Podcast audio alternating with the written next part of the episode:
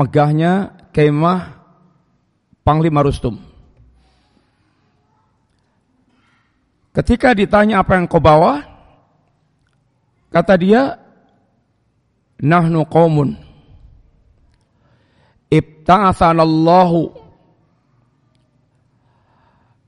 liyukhrijan nas min ibadatil ibad ila ibadati rabbil ibad liyukhrijan nas min jawril adyan ila adil islam wa min dhiki dunya ila siati dunya wal akhirah kami satu kaum yang Allah utus untuk mengeluarkan manusia dari yaitu kejahatan uh, dari penghambaan hamba kepada hamba menuju penghambaan hamba kepada Rabbnya para hamba yaitu Allah Ta'ala. Dari kejahatan agama menuju kepada keadilan Islam dari sempitnya dunia kepada luasnya dunia dan akhirat. Apa yang menjadi jawaban Rib ini menunjukkan tentang kebanggaannya terhadap agamanya.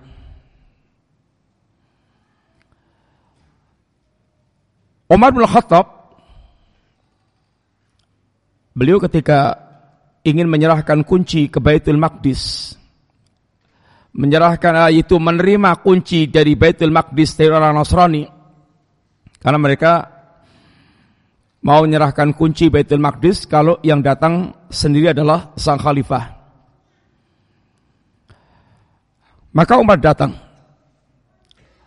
dengan penampilan yang cukup sederhana saat ketika mau datang di Syam sampai Syam harus melewati parit maka Umar copot sendalnya, dia taruh di pundaknya, dan pemandangan ini disaksikan oleh Abu Ubaidah ibn Jarrah sampai dia berkomentar ya Amirul Mukminin. Saya khawatir seandainya penduduk Syam melihat Anda, mereka akan merendahkannya. Apa kata Umar? Ya Abu Baidah, saya bukan engkau yang mengatakan itu. Lalu pun memiliki perkataan yang sangat bagus. Yang sangat terkenal. Inna kunna adalal qaum. A'azzanallahu bihadal Islam. Famahma natlubul Islam famahma natlubul izzata bighairil Islam adzalan Allah. Kita ini adalah kaum yang dulunya hina, hina dina. Rendah. Menyembah berhala. Minum khamr. Berzina. Membunuh. Tenggelam dalam kinaan jahiliyah. A'azzanallahu bihadal Islam. Lalu Allah memuliakan kita dengan Islam famahma natnubul izzata bighairil Islam adzalana Allah Kapan saja kita mencari kemuliaan bukan dengan Islam, kita akan dihinakan ya Allah Subhanahu wa taala. Generasi para sahabat mereka generasi yang ditakuti oleh para musuh. Sehingga sampai Nabi katakan, Sebulan sebulan sebelum kedatangan kaum muslimin rata-rata para musuh mereka sudah gemeter. Yang menunjukkan tentang kewibawaan kaum muslimin dan kebesaran kaum muslimin. Bagaimana mereka tidak menakutkan kaum tidak tidak menakutkan kaum muslimin. Mental-mental mereka seperti yang digambarkan oleh Khalid bin Walid ketika membawa pasukan kaum muslimin. Apa di antara perkataannya? Jitu biqaumin yuhibbunal mauta kama tuhibbunal haya Kami datang dengan satu kaum yang kecintaan mereka kepada kematian seperti kecintaan kalian kepada kehidupan. Sehingga mereka tidak takut mati ketika mereka di medan jihad. Bahkan seandainya mereka naik ke langit akan dia kejar. Itu pasukan yang Masya Allah membuat para musuh gemetar. Adapun kalau kita kemudian melihat di zaman kita, sesungguhnya kita sedang berada di zaman yang digambarkan Rasulullah Sallallahu Alaihi Wasallam seperti yang Nabi sampaikan gambaran tentang kaum muslimin yang kualitasnya bagikan buih. Yang para musuh tidak memiliki sama sekali rasa takut kepada kaum muslimin. Bahkan kaum muslimin terkena kerasukan penyakit yang membuat dia rapuh. Seperti yang disampaikan Yushiku antada'a alikumul umam kama tada'a al-akalatu ila qas'atiha. Hampir datang waktunya. Kalau sekarang sih sudah datang waktunya di zaman Nabi, Nabi sampaikan hampir datang waktunya. Di zaman kita sudah datang waktunya. Para musuh memperebutkan kalian seperti orang yang mengundang teman-temannya untuk menyantap makanan di meja hidangan. Gambaran tentang sangat hinanya kaum muslimin yang diperebutkan oleh bangsa-bangsa kufar yang menunjukkan tidak memiliki izah sama sekali.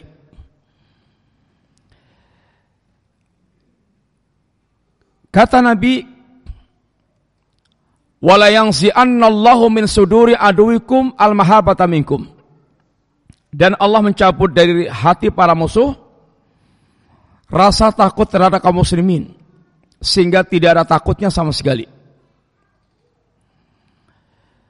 Sebaliknya walayaktifannallahu fi qulubikumul wahan. Allah memasukkan penyakit wahan di dalam hati kalian. Para sahabat sempat bertanya ya Rasulullah, amin killatin nahnu yauma idin. Apakah saat kami jadi rebutan bangsa-bangsa kufar itu memang jumlahnya kita sedikit sehingga menjadi rebutan bangsa kufar. Kata Nabi, kalau bicara tentang kuantitas, bal antum yawma idin kathirun, jumlah kalian sangat banyak. Tapi kalau bicara tentang kualitas, walakinakum ghuthaun, ka isil, tapi kalian kondisinya kayak buih yang ada di sebuah atau yang bersama dengan sebuah aliran yang nanya yang namanya buih se, nampak sebesar apa pun tidak akan menakutkan. Buih mengalir bersama dengan sampah-sampah. Buih dia hanya ikut arus. Dan itu merupakan gambaran kondisi kaum muslimin yang tidak memiliki yaitu kekuatan untuk menentukan tapi ditentukan dia hanya ikut arus saja. Jarang muslimin yang punya prinsip kalau tidak begini enggak. Jarang. Dia hidup ya kata orang kaya umumi wae piye umumi wae. Sehingga prinsipnya adalah hidup mengalir gitu aja tanpa pertimbangan umumnya itu umum yang menyimpang dari agama atau apa nggak peduli. Karena mentalnya mental hidup yang tidak memiliki prinsip. Bercampur padanya kepribadiannya, pemikirannya dengan sampah-sampah, sampah pemikiran, sampah budaya, sampah-sampah. Sehingga muslimin tampil bukan sebagaimana kepribadian Islamnya, muslimin tampil musyrik, muslimin tampil kafir, muslimin tampil munafik, muslimin ahli maksiat, Sehingga Islamnya tidak mewarnai kehidupannya. Sehingga mentalnya kata Nabi tersebut mental yang tidak ditakuti oleh oleh musuh, bahkan dia memiliki penyakit yang sangat berbahaya yaitu alwahan. Wa malwanu ya Rasulullah hubutun ya wa karahiyatul maut. Kecintaan pada dunia dan takut mati. Penyakit ini kalau merasuki orang itu sudah akan mengantarkan bermentalnya itu mental yang sangat rapuh. Jawab sekalian, seorang muslim hanya akan betul-betul menyandang kewibawaannya itu ketika dia hidup bersama dengan agamanya. Sehingga Nabi tegaskan dalam hadis yang lainnya, "Idza tabayatum bil ina wa akhadtum atnabal baqar wa raditum bizar'i wa taraktumul jihad sallatallahu alaikum dullan la yangzimhu hatta tarju ila dinikum. Kalau kalian telah bertransaksi dengan model inah, inah itu satu di antara jenis transaksi ribawi. Transaksi ribawi itu sangat banyak, satu di antaranya adalah model inah. Kalian telah pegangi ekor sapi kalian ridho dengan cocok tanam. Ungkapan yang menunjukkan telah dibuat hatinya lengket dengan perkara-perkara dunia. Dan kalau sudah hati itu lengket dengan perkara dunia, itu pasti konsekuensinya, kelazimannya wataraktumul jihad. Urusan jihad dengan semua tingkatannya, jihad melawan dirinya, jihad melawan kufar al musyrikin, jihad melawan orang munafik, jihad melawan ahlul al bidah wal wal maasi itu akan lemah dan dia akan ditinggalkan. Mau adzan dulu? Monggo. Kalau kaum muslimin dia telah tenggelam dalam transaksi ribawi, hatinya telah lengket dengan perkara duniawi, dan kelasimannya itu mereka akan tinggalkan jihad dengan segala tingkatannya. Gak peduli lagi dengan perkara agamanya. Mau masjid kosong, mau masjid rame, mau nggak nggak ada urusan. Urusan mereka adalah bagaimana mengejar target-target dunia saja. Kalau sudah seperti itu kata Nabi sallallahu alaikum dullan Allah akan campakkan mereka dalam kinaan la yang yangsimuhu hatta tarju ila dinikum. Allah tidak akan cabut kinan itu sampai kalian kembali kepada agama kalian. Hanya dengan kembali kepada agama dan hidup dengan agama Allah Subhanahu wa itu kemuliaan akan didapatkan kaum muslimin. Dan kembali kepada agama artinya kembali kepada Islam yang diajarkan Nabi. Bukan Islam yang ditampilkan oleh kaum muslimin di zaman kita. Islam yang ditampilkan muslimin di zaman kita masuk dalam apa yang Nabi ingatkan banyaknya firaqud yang telah mencampurkan sesuatu yang bukan Islam ke dalam Islam.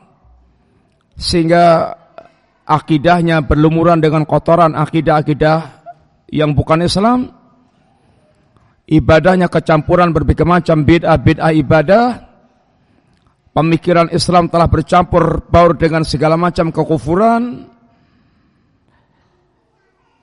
Sehingga kembali kepada Islam maksudnya kembali kepada Islam yang diajarkan oleh Nabi SAW sehingga para ulama mengistilahkan dengan bagaimana mendidik Islam yang bersih dari semua penyimpangan-penyimpangan dengan istilah tasfiyah wa tarbiyah.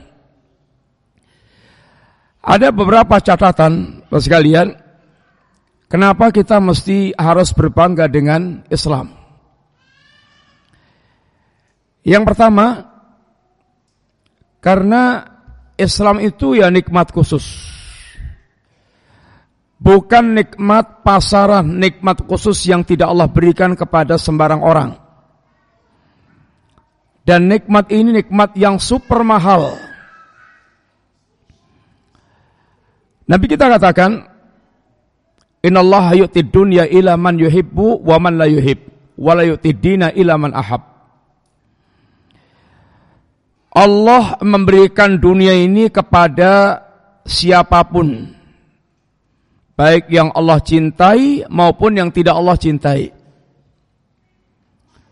Orang yang kafirnya tingkat tinggi yang dilaknat oleh Allah taala Allah berikan dunia berlimpah seperti Firaun yang Allah berikan kekuasaan yang luas, kekuasaan yang kuat sampai lupa diri sampai mengatakan ana rabbukumul a'la. Allah berikan kepada Korun yang terlaknat harta yang sangat melimpah ruah, sampai kunci gudangnya pun gak bisa diangkat oleh puluhan orang yang kuat. Tapi juga di sana ada orang yang Allah berikan kerajaan yang luas dan mereka dicintai Allah seperti Nabiullah Sulaiman. Kerajaan yang tidak pernah ada tandingnya sebelum dan sesudahnya.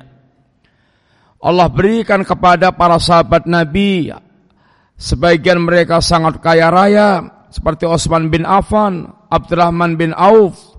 Allah berikan kekayaan pada seorang ulama seperti Ibnu Mubarak dan yang semisalnya. Intinya kalau soal dunia Allah berikan pada siapa pun. Sehingga dunia bukan menjadi ciri bahwa dia dicintai oleh Allah Subhanahu wa taala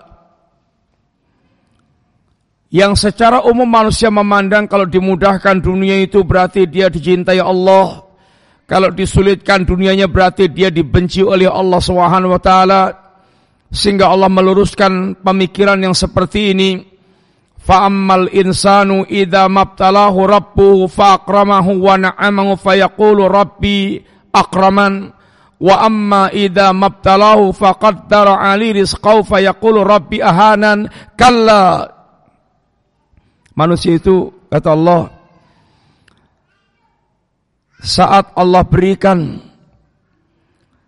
alsa ketika Allah uji dia dengan berbagai macam nikmat yang Allah berikan kepadanya komentarnya Rabbi akraman Rabbku memuliakanku. Tapi kalau Allah uji dengan kesulitan-kesulitan duniawinya dia katakan dia dia ungkapkan Rabbi ahanan. Robku sedang menghinakanku kata Allah kalla enggak. Urusannya itu bukan soal Allah memuliakan dan menghinakan, mencintai ataupun membenci, tapi urusan dunia itu urusannya adalah ibtila. Sehingga dikatakan fa'ammal insanu idza mabtalahu. Bahkan orang-orang yang mereka justru sangat durhaka kepada Allah Subhanahu wa taala untuk mereka terkadang Allah gerojok dengan dunia. Sehingga dunianya melimpah ruah mendapatkan semua kesenangan mereka tentang dunia. Itu yang namanya istidroj. Yang rumusnya kata Nabi, "Idza ra'aitumullaha yu'til abda ma yuhibbu wa huwa ala ma'asihi fa'lam annama huwa istidraj." Atau. Kalau kalian lihat ada orang yang Allah berikan limpahan perkara dunia yang dia senangi, padahal dia ini adalah ahli maksiat, maka ketahuilah itu adalah istidraj dari Allah Ta'ala. Maksiat, durhaka, tapi dunianya tambah melimpah ruah. Dan itu yang Allah ingatkan di dalam ayat sanastadrijuhum min haitsu la ya'lamun akan kami istidrat dari arah yang tidak mereka ketahui. Hatta idza hatta idza nasu ma dzukiru bih fatahna alaihim abwaba kulli syai' falamma nasu ma dzukiru bih fatahna alaihim abwaba kulli syai' hatta idza farihu bima utu akhadnahum baghtatan fa idahum mublisun. Falam mana suma tatkala mereka yaitu tenggelam dalam kelalaian terhadap peringatan Allah mereka tumpah ruahkan memuaskan syahwat tidak peduli dengan agama Allah mereka bersenang-senang tanpa batas. Justru yang Allah lakukan kepada orang seperti ini apa? Fatahna alihim abwaba kulli syai' kami bukakan segala macam pintu kesenangan. Hatta idza farihu bima utu hingga apabila mereka itu sedang bersenang-senang dengan pemberian Allah, naum bahtatan Allah cabut serta merta nikmat itu Allah timpakan azab faida mublisun sehingga mereka pun putus asa. Kisah seperti itu sangat banyak di berbagai kisah peristiwa. Sebagaimana kalau di Jawa Tengah ada namanya dusun Ligentang di sebelah Dieng, di wilayah Dieng. Di sana ada tugunya, tugu peristiwa kematian sekitar 300 sekian orang. Yang penting kita katakan adalah bagaimana kisah ceritanya kebinasaan 300 sekian orang itu. Desa Legentang itu, padukuan Legentang ini, Allah ya ini makmurkan di atas dusun-dusun yang lain. Sehingga satu tahun dia bisa panen sekian kali dibandingkan dengan kampung-kampung yang lain. Makmur. Tapi setiap malam itu kegiatannya tayuban. Tahu tayuban tahu nggak? Tayuban itu ya kalau kita sekarang mungkin ya dansa dansi laki perempuan tapi ala kampung. Sehingga perzinaan mulai merata, meluas dan menjadi kebiasaan. Mabuk-mabukan menjadi sebuah hal yang biasa. Dan ketika semakin menjadi-jadi seperti itu, sedangkan mereka Allah bukakan kemakmuran kehidupan mereka, dan tambah menjadi-jadi kemaksiatannya Allah datangkan yaitu longsoran yang longsoran ini bisa kemudian nyuruk apa nyurung kampung tersebut sampai kira-kira 100 meter. Jadi dari sini kejauhan longsoran disurung begitu sampai 100 meter kependem semuanya penduduk kampung tersebut. Ludes. Semua yang di kampung itu ditumpes habis oleh Allah Subhanahu taala. Dan itu adalah kisah yang sangat masyhur dan masih ada saksi matanya, ada yang masih saksi hidupnya melihat peristiwa itu. Ini contoh sebagian kecil. Contoh kayak ginian banyak banget. Hampir tidak ada tempat yang Allah timbulkan bencana-bencana itu kecuali di situ pusat-pusat kemaksiatan. Ah, intinya kita di sini ingatkan bahwa kalau soal dunia itu Allah berikan pada siapa pun. Bahkan ahli maksiat pun orang-orang yang mereka tenggelam dalam kelalaian Allah berikan kepada mereka limpahan dunia terkadang. Yang perlu kita pahami bahwa Yang Nabi katakan walayutidina ilaman ilaman ahab dan Allah tidak akan dan Allah tidak akan berikan agama ini kecuali kepada orang yang Allah cintai. Karena agama ini nikmat yang khusus, yang spesial, yang mahal. Yang dengan agama ini kita akan bisa benar-benar memiliki modal utama bahagia di dunia sampai akhirat kita yang sukses kita di akhirat hanya dengan agama Allah Subhanahu wa taala. Mau orang bilang agama itu candu. Hanya untuk pelarian. Ketika orang merasa terjepit kehidupannya. Sehingga untuk hiburan hayalan. Orang mau ngomong begitu karena mereka hanya memandang kehidupan dengan materi yang dia lihat.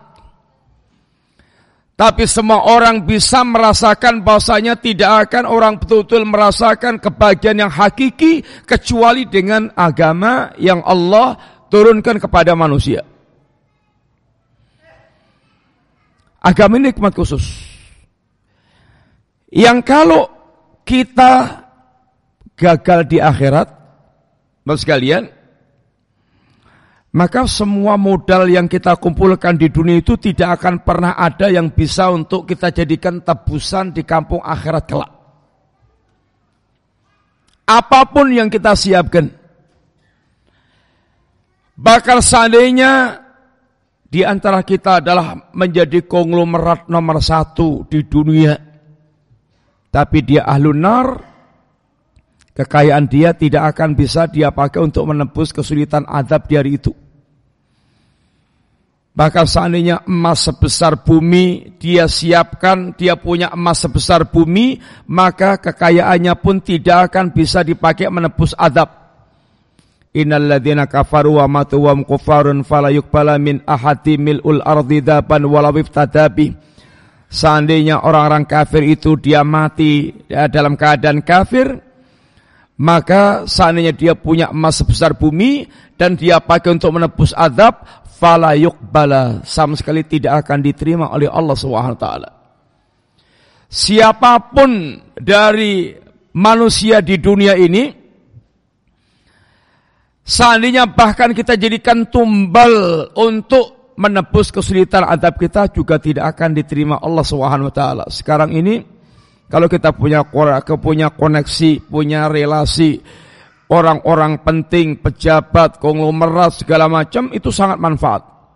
Tapi akan saat ada satu saat yang Allah katakan semua orang sudah tidak akan lagi memberi kemanfaat kepada kita, hubungan sudah diputus oleh Allah Subhanahu wa taala. Walaupun bahkan orang terdekat dengan kita di saat di dunia tidak akan memberikan manfaat apa pun. Yawma yafirul mar'u min akhihi wa ummihi wa abi wa sahibati wa banihi likulli mri'in minhum yawma idzin sya'nu yukhni. Hari ketika seorang lari dari dari saudaranya, dari ibunya, dari ayahnya, dari istrinya, dari anaknya, Hari itu orang tinggal berpikir masing-masing tentang dirinya, mereka sibuk dengan urusan dirinya karena dahsyatnya suasana yang ada. Bahkan hari itu tidak hanya orang dia lari dari orang lain, Bahkan dia siap untuk menjadikan orang lain sebagai tumbal demi keselamatan dia, walaupun ini itu anak kandungnya sendiri. Ya watil mujrimu law yaftadi min adabi yawmi idzin bi bani wa sahibati wa akhi wa fasilati lati tuwi wa man fil ardi jami'an thumma yunjih kalla innaha ladha nazza'ata lishawa tad'u man atbara wa tawala wa jama'a fa'au'a Orang-orang yang di dunia mujrim, nggak peduli dengan agama, saat dia setelah dihadapkan dengan oleh Allah azab yang akan menimpanya, dia berangan-angan seandainya bisa menembus adab itu walaupun dengan anak kandungnya, nggak cukup dengan istri dan saudaranya, nggak cukup dengan keluarga besarnya, nggak cukup dengan semua manusia di muka bumi, tapi Allah katakan kalla nggak bisa hari azab jahanam azab yang menyala-nyala yang bisa mengelupaskan kulit kepala manusia yang jahanam akan memanggil orang yang dulu di dunia dia durhaka, dia berpaling dari agama dan hanya mengumpulkan harta akan tapi enggak pernah dia keluarkan di jalan Allah Subhanahu wa taala. Orang selamat dari azab hanya dengan agama yang dia miliki. Itulah hari yang dikatakan Allah yauma la yang fa'umalun wala banuna illa man atallaha biqalbin salim. Ingatlah akan datangnya hari saat nanti hari itu harta Anda sebanyak apa pun, anak laki-laki Anda sehebat apa pun sudah tidak berguna lagi kecuali ya ini orang yang datang per Allah dengan hati yang selamat, hati yang bertakwa, hati yang membawa agama sehingga kata seorang ulama, "Idza dakhalta idza dakhaltal qabra ma'akal Islam fa'abshir." Kalau Anda masuk kubur dan Anda membawa Islam, maka bergembiralah karena Anda berarti datang kepada Allah dengan modal yang akan menyelamatkan Anda. Jangan sekalian, maka iman kita adalah nikmat khusus. Barang siapa Allah berikan dalam kehidupan ini agama, yakni kefahaman ilmu dan taufik amal, sehingga dia betul memiliki agama yang bagus, keimanan yang bagus, maka ini adalah nikmat khusus yang tidak bisa dinilai dengan apa pun dari perkara dunia. Karena sungguhnya dunia kata Nabi adalah rendah. Allah kata Allah sifatkan dunia itu adalah mataul mataun uh, mataun qalil. Mataul ghurur. Kehidupan yang singkat dan sedikit dan penuh dengan tipuan. Singkatnya kalau kita bandingkan dengan kehidupan kampung akhirat. Yang Allah katakan inna yauman inda rabbika ka'alfi sanatin mimma ta'udun. Satu hari di sisi Allah itu kayak seribu tahun dalam hitungan kalian. Kalau seandainya kita punya umur 100 tahun, 100 itu hanya seper seribu, eh, 100 itu 100 itu hanya seper sepuluh dari seribu, kalau satu hari itu 24 jam, artinya kalau kita punya umur 100 tahun hanya memiliki umur 2,4 jam. Kalau hanya 50 tahun yang berarti hanya hanya 1,2 jam. Itu umur yang sangat singkat. Sehingga seandainya manusia itu dalam kehidupannya itu nikmat total. Gak ada yang dia rasakan sulit, dan sengsara. Semuanya di awal dari lahir ceprot sampai mati itu semua nikmat tetapi dia hanya akan dilempar ke jahanam maka dia masuk dalam perkataan Allah numatti'uhum qalilan thumma nattaruhum ila adzabin ghalidh kami berikan kepada dia kesempatan untuk menikmati kehidupan yang sesaat ini seluas-luasnya yang dengan sangat yang dengan, dengan sangat singkat ini menikmati kehidupan yang sungguhnya sangat singkat ini, tapi setelah itu akan kami seret lempar mereka ke dalam adab yang keras, itu adab jahanam. Yang seandainya dia merasakan tenggelam dalam kenikmatan dunia sepanjang hidupnya, itu tidak akan pernah dia merasa lagi pernah menikmati sebuah kenikmatan. Nabi pernah katakan, Yukta yaumal qiyamah bi uh, yu'ta yaumal qiyamat uh, yu'ta bi an'ami ahli dunya min ahli nar yaumal qiyamah akan didatangkan seorang yang paling nikmat dari penduduk dunia yang pernah merasakan kenikmatan paling nikmat di dunia bukan hanya se-Bekasi, bukan hanya se-Jakarta, bukan hanya se-Jawa, sedunia. Dia paling merasakan kenikmatan kehidupan. Tapi dia ini min ahli nar. Fayusbagha sabghatan. Lalu dicelupkan sekali ke neraka oleh Allah Ta'ala. Lalu ditanya, hal ra'aita na'iman qat? Apakah anda merasakan sebuah kenikmatan walaupun sesaat oleh hambaku? Kata dia, la wallahi ya Rabb. Sama sekali tidak ya Rabb. Yang menunjukkan betapa sangat tidak ada artinya kemewahan apa pun yang pernah dia rasakan di dunia saatnya dia tidak selamat di akhiratnya. Maka Allah selalu ingatkan kepada kita, sukses yang hakiki itu sukses akhirat dan rugi yang hakiki ada rugi di akhirat. Faman zuhziha 'anil nar wa jannah faqad fasa. Barang siapa yang dia diselamatkan Allah dari neraka dimasukkan ke surga maka dia telah sukses. Tapi sebaliknya, innal khasirin alladzina khasiru anfusahum wa ahlihim yaumal qiyamah, yang namanya orang yang rugi itu adalah orang yang mereka merugikan diri dan keluarganya dari kiamat kelak. Sehingga kalau kita Allah berikan nikmat iman, nikmat Islam, bagaimanapun kondisi kita tentang dunia kita, Sesungguhnya kita sedang dicintai oleh Allah dan ini nikmat khusus. Jangan sampai kita ya ini jual atau kita ya ini gadekan atau rusak nikmat tersebut karena ini modal utama kita untuk menghadap Allah dan membangun kehidupan kita yang benar-benar bahagia dunia akhirat. Agama itu nikmat khusus. Sehingga orang-orang yang tahu harga agama, maka dia tidak akan serahkan agama dia, walaupun dia harus dicincang-cincang, walaupun dia harus dibakar. Itulah para sahabat yang telah merasakan nikmatnya agama dan merasakan mahalnya keimanan dengan keyakinan yang telah mereka miliki, apa pun yang menimpa mereka tidak mereka pedulikan, yang penting agama mereka tidak lepas dari dirinya. Karena akan ada fitnah-fitnah, kata Nabi, yang orang-orang ya bi'u dinau bi'arati dunia. Akan dia jual agamanya hanya untuk mendapatkan potongan-potongan kehidupan dunia. Di antara alasan kedua, uh, yang sekalian, yang layak kita berbangga dengan agama kita, sesungguhnya kita telah diberikan kenikmatan yang diirikan oleh seorang Yahudi. Seorang Yahudi pernah datang kepada Khalifah Ibn Umar bin Khattab. Apa katanya? Ya Amirul Mukminin. Antum taqra'una ayatan fi kitabikum. Lau nazalat alaina ma'syaral yahud latahatna idan. Wa Amirul Mukminin.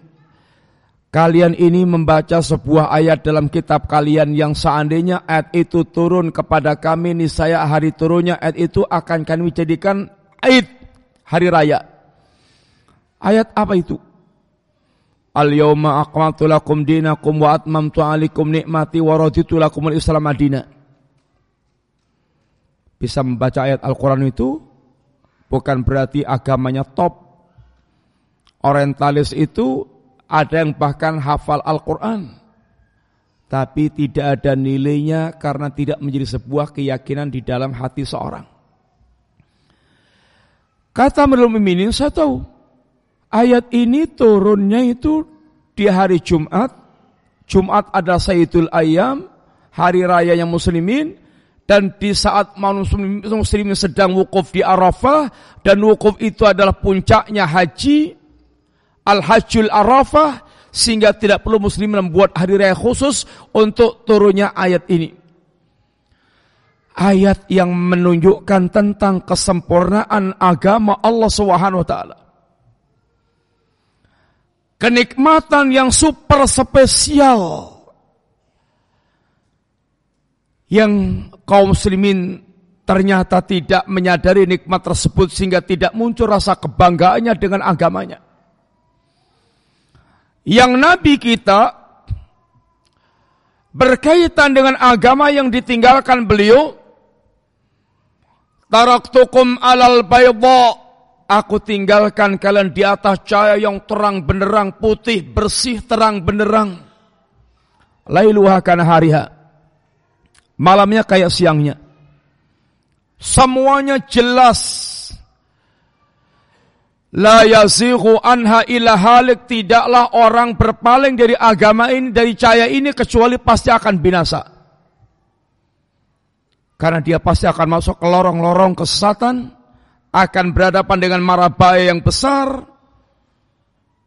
Karena cahaya Islam ini akan menyelamatkan manusia. Dan kalau target kita hidup itu untuk menggapai jannah yang disediakan oleh Allah Subhanahu wa taala, kata Nabi kita, "Ma min syai'in yuqarribukum minal jannah wa yubaidukum minan nar illa qad buyina lakum. Tidak ada satu perkara pun yang akan mendekatkan kalian ke surga dan menjauhkan kalian dari neraka kecuali pasti sudah aku terangkan perkaranya. Tinggal kita yakin enggak dengan apa yang diungkapkan oleh Allah dan Rasulnya Sallallahu Alaihi Wasallam. Yang konsekuensinya kalau kita itu meyakini Islam telah sempurna dan kalau dikatakan sempurna itu artinya apa yang akan ditambahkan atau apa yang dikurangkan itu akan menjadi jelek, akan memperjelek. Kekelaziman kita meyakini sempurnanya Islam itu artinya kita sudah lagi tidak membutuhkan tambahan-tambahan untuk menyempurnakan Islam. Sehingga Rasulullah Sallallahu Alaihi Wasallam yang menegaskan kepada kita tentang haramnya bid'ah, mengada-adakan perkara yang tidak pernah ada dalam agama kita untuk mendekatkan diri kepada Allah atau yang diyakini akan mengantarkan mengantarkan ke surga yang sungguhnya hanya akan memperburuk dan memperjelek ya ini agama kita. Kalau tubuh kita ini dibilang sudah sempurna, ditambah atau dikurangi itu menjadi jelek. Jemari kita yang lima, itu kalau mau ditambah satu atau tambah dua, itu tidak akan menyempurnakan, akan justru menjadi jelek. Telinga kita yang sudah sempurna posisinya di situ, kalau mau ditambah satu lagi, itu akan akan jelek agama kita ini sudah sempurna. Dan yang mengatakan demikian Allah Subhanahu wa taala. Dan di sinilah pentingnya kita sungguhnya mengimani nama-nama dan sifat Allah sehingga akan muncul pengagungan kepada Allah Subhanahu wa taala. Orang yang mereka mengatakan bahwa agama ini sudah nggak layak lagi untuk abad yang sekarang ini sudah beda jauh harus banyak direvisi untuk menyesuaikan dengan zaman yang berkembang ini adalah di antara bentuk suudzon kepada Allah Subhanahu wa taala padahal Allah yang menurunkan agama ini al-alim al-khabir al-hakim yang kalau kita khusnudan kepada Allah maka tidak akan muncul pemikiran-pemikiran yang seperti itu. Itu karena hati mereka tidak faham tentang Allah dan tidak mengagungkan Allah Subhanahu wa taala sehingga semua keburukan yang muncul di antara sebabnya karena mereka tidak mengagungkan Allah Subhanahu wa taala. Sempurnanya agama ini menjadikan kita tidak membutuhkan yang lainnya, mencukupkan diri dengan Islam. Sehingga kata Allah, awalam yakfihim. Apakah mereka enggak merasa cukup dengan apa yang Allah turunkan kepada mereka? Padahal kalau mereka itu melihat ada keburukan dalam Islam, bahkan Allah tantang, waman asanu ini minallahi haditha. Mana ada yang lebih indah pembicaraan perkataannya dibandingkan Allah Subhanahu wa taala. Apa hukmal jahiliyati yabghun? Apakah yang mereka inginkan mengikuti jahiliyah? Apa yang mereka ingin ya apakah yang mereka yang apakah yang mereka inginkan adalah perkara-perkara jahiliyah? Sedangkan waman asanu minallahi hukman liqaumi yuqinun. Apakah hukum jahiliyah yang mereka inginkan sedangkan ya ini apakah ada yang lebih indah dibandingkan dengan hukum Allah Subhanahu wa taala bagi orang yang yakin? Dan Islam ini adalah syariatnya syariat yang super indah. Sehingga di antara keindahan Islam itu di antaranya tercermin dalam al-daruriyatul hams. Islam menjamin perkara hal lima hal yang merupakan hal yang sangat asasi dalam kehidupan. Islam menjamin yaitu datang untuk menjamin agama, Islam datang untuk menjadi itu yaitu dalam rangka untuk yaitu menjamin akal manusia, jiwa manusia, harta manusia dan keturunan manusia. Ini hal yang sangat asas yang sangat dijaga oleh agama ini. Dan ini merupakan bagian keindahan agama ini. Tidak ada penjagaan yang lebih istimewa sebagaimana Islam terhadap agama, terhadap akal, terhadap harta, terhadap jiwa, terhadap keturunan yang Islam memberikan aturan yang sangat detail dan sempurna dalam urusan ini. Demikian pula Di antara yang layak untuk kita berbangga dengan Islam, sesungguhnya Islam adalah agama yang Allah janjikan kemenangan di masa depannya. Kita tidak mengingkari bahwa kita sedang berada di titik, di, di titik nadir. Kondisi umat yang sangat rendah dan sangat terhina dan tidak memiliki kebanggaan dengan Islam bukan karena umat ini sedang dalam kondisi berpegang teguh dengan agamanya tapi karena umat ini sedang sangat jauh-jauhnya dengan agama sedang jauh dari agama dan sedang beragama dengan yang sesungguhnya bukan dari Islam sehingga agama bercampur dengan khurafat bercampur dengan syirik, bercampur dengan bid'ah, bercampur dengan segala macam hal. Antum lihat penampilan kaum muslimin di antaranya ya kalau mau buka ya di YouTube. Muslim yang musyrik, muslim yang kafir, muslim yang munafik, muslim yang ahli maksiat. Lalu dengan kondisi seperti itu dia mengharapkan kemuliaan kaum muslimin, kewibawaan kaum muslimin. Kita diajarkan Allah bagaimana penyimpangan kita, penyelisian kita terhadap perintah Allah maupun Rasulnya itu adalah sebab kinaan kita. Perang Uhud mengajarkan para kita bahwa keteledoran kita terhadap perintah Allah maupun Rasulnya itu merupakan awal daripada kehinaan.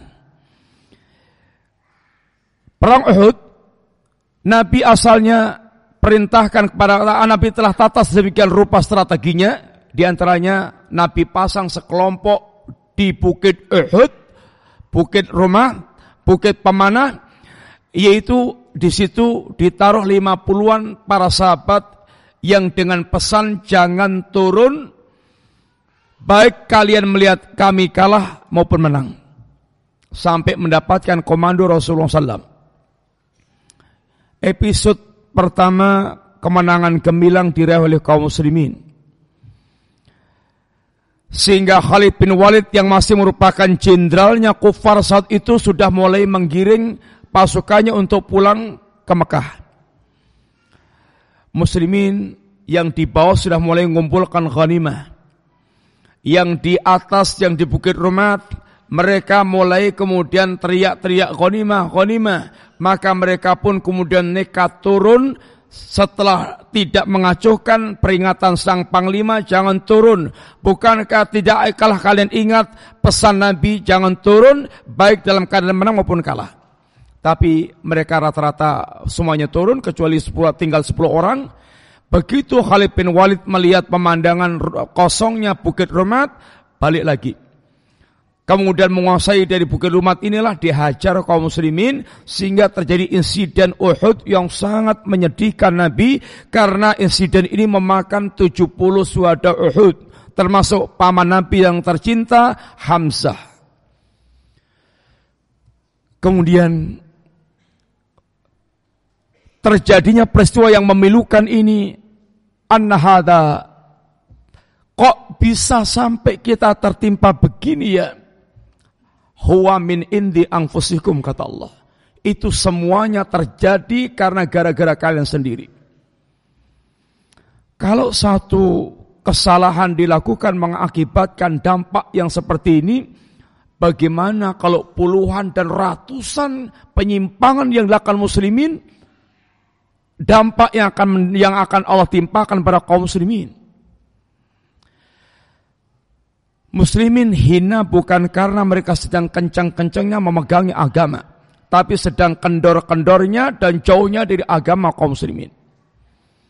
Yang kedua, perang Hunin, perang yang mengajarkan kita bagaimana seorang muslim hendaknya betul-betul memiliki akidah yang lurus dan menyempurnakan tauhidnya. Perang Hunin terjadi setelah Fathul Mekah. Begitu Nabi menguasai kota Mekah, ditaklukkan penduduknya, mereka berbondong-bondong masuk Islam, dalam kondisi seperti itu, maka digabungkan dengan pasukan dari Madinah, diajak mereka itu untuk menaklukkan suku Hawasin yang belum mau menyerah. Di antara mereka yang memang baru masuk Islam, mereka di antaranya mengatakan kita tidak akan terkalahkan dengan jumlah yang sebanyak ini.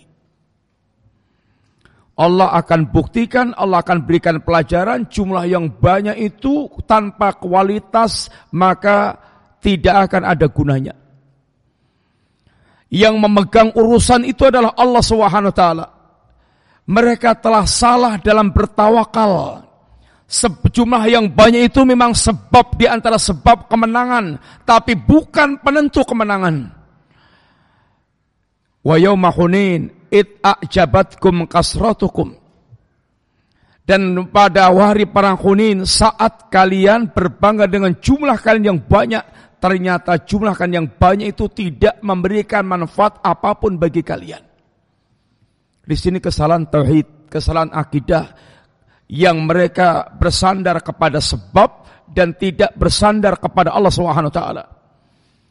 Muslimin orang diajarkan memiliki akidah yang ini akidah yang sempurna, tawakal yang sempurna.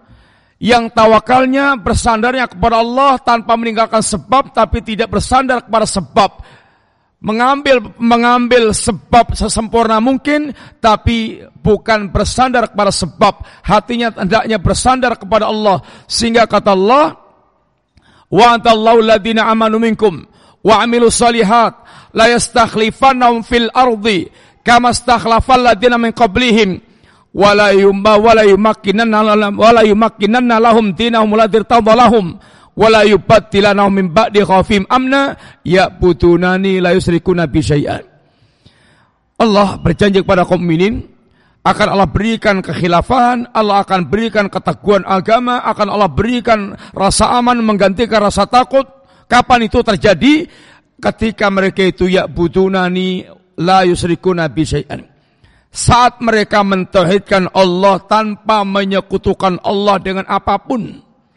Pendidikan akidah sehingga menjadi pendidikan awal dan utama dan prioritas bagi orang yang mereka ingin membangun kaum muslimin yang betul-betul memiliki ini kehebatan generasi yang bisa dibanggakan atau hebat maka tidak ada jalan kecuali dengan membina kaum muslimin dengan akidah yang lurus, agama yang lurus, agama seperti yang diajarkan Rasulullah SAW.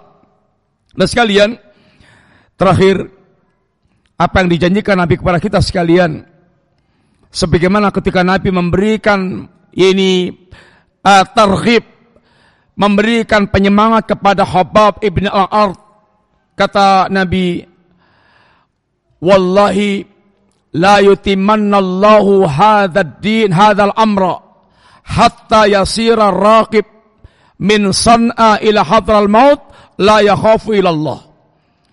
Wahai habab, demi Allah, Allah akan menyempurnakan urusan agama ini. Sampai nanti ada orang yang mereka berjalan dari san'a ke hadral maut la yakhafu ila Allah. Tidak ada yang ditakutkan kecuali hanya Allah Subhanahu wa taala. Alias Allah berikan kemenangan Islam, keamanan meluas, sehingga orang berjalan jarak yang jauh pun tidak ada yang ditakutkan, tidak takut perampok, tidak takut uh, kejahatan macam-macam karena aman kecuali takutnya hamba kepada Allah Subhanahu wa taala.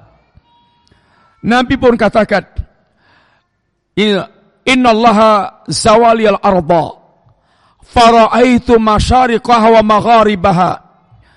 Allah nampakkan kepadaku hamparan bumi Aku pun melihat bumi dari baratnya sampai timurnya. Wa inna wa saya wa sayablugu mulku ummati ma zuyali dan kerajaan umatku itu akan mencapai seluas apa yang Allah bentangkan kepadaku. Masa depan di tangan kaum muslimin. Bahkan Nabi katakan, la yablughanna hadzal din ma balagha lailu wan nahar agama ini akan mencapai sejauh jangkauan malam dan siang. Di mana ada tempat yang dijangkau siang dan malam, agama akan menjangkau sampai ke situ. Dan tidak ada kata Nabi, desa maupun kota illa adhalallahu hadad din. Kecuali Allah akan masukkan agama ini. Bi izin azizin wa bidhulin dalilin baik dengan cara mulia atau hina. Isun yu'isuhullahu bihadzal din bihadzal islam wa dhullun uh, yudhilullahu bihadzal kufur mulia bagi mereka yang menerima agama dengan Islam ini dan hina bagi mereka yang yaitu mempertahankan kekafiran Allah jadikan masa depan di tangan kaum muslimin Allah akan menangkan agama itu di atas seluruh agama yang ada maka sudah selayaknya seorang muslim sesungguhnya harusnya dia berbangga dengan agamanya. Agama ini adalah agama warisan semua para nabi. Semua para nabi adalah muslim. Nabiullah Nuh muslim. Dan semua nabi-nabi sampai Rasulullah SAW semuanya muslim. Sehingga kata Allah tentang Nuh wa umirtu an akuna minal muslimin. Aku diperintahkan Allah untuk menjadi seorang muslim. Nabiullah Yusuf seorang muslim. Wa tawaffani musliman wal hikni bisalihin ya Allah matikan aku sebagai muslim dan temukan aku dengan orang saleh Nabiullah Ibrahim adalah muslim. Aslamtu rabbil alamin. Ya baniya inna astafa lakumuddin fala tamutuna ila wa antum muslimun. Nabiullah Musa adalah muslim. Wa alaihi tawakkalu in kuntum muslimin kata Musa. Apabila kalian orang-orang muslim hendaklah hanya bertawakal kepada Allah Subhanahu wa taala. Hawari pengikutnya Nabi Allah Isa dia mengatakan washhad bi anna muslimun saksikan kami adalah kaum muslimin. Islam agama agama semua para nabi dan para rasul. Sehingga seorang muslim hendaknya berbangga dengan nikmat Islam ini karena dengan nikmat inilah kita akan Allah antarkan ke jannah yang Allah sediakan bagi muslimin, nikmat khusus yang harganya berlipat-lipat mahal dibandingkan dengan nikmat dunia semata. Dan agama ini agama adalah yang telah Allah sempurnakan sehingga nikmat yang membuat kita mencukupkan dengan agama ini tanpa membutuhkan yang lain. Dan agama ini Allah janjikan karena kemenangan di masa depan. Selama kaum muslimin betul-betul dia ini hidup dengan agama ini Allah akan muliakan. Karena asalnya fa innal izzata lillahi wali rasulihi walil mu'minin. Agama itu milik izzah itu milik Allah, milik rasulnya dan milik kaum mukminin. Sekalian, mudah-mudahan Allah Subhanahu wa taala senantiasa menghidup atau memberikan kesadaran penuh kepada hati kita bahwa kehidupan kita tanpa nikmat Islam tidak ada artinya sama sekali. Dan semoga Allah Subhanahu wa taala senantiasa meneguhkan hati kita untuk bisa istiqamah di atas agama Allah sehingga wafat di atas Islam dan sunnah, selamat dari berbagai macam fitnah-fitnah yang ada dan berakhir dengan kehidupan khusnul khatimah dan dipanggil Allah dengan panggilan indah Ya ayatun nafsul mutmainnah irji'i ila rabbika radiyatan mardiyah fadkhuli fi ibadi wadkhuli jannati. Mudah-mudahan manfaat bagi sekalian dan minta maaf atas keterlambatannya dan semoga Allah senantiasa mengumpulkan kita di dunia sampai di akhirat dengan ikatan Islam yang akan melanggengkan persaudaraan manusia karena ketika persaudaraan itu diikat bukan dengan Islam, seumur jagung, al-akhillau yawmaidin ba'dhum li ba'din aduwan ilal mutaqin. Orang-orang yang di dunia berkawan hanya bersaudara hanya dengan ini dasar kepentingan dunia, maka dia akan berubah di akhirat kelak menjadi permusuhan kecuali orang-orang yang mereka mengikat persaudaraannya dengan ini ketakwaan kepada Allah Subhanahu wa taala. Jazakumullah khair. minta maaf, minta maaf atas segala kekurangannya.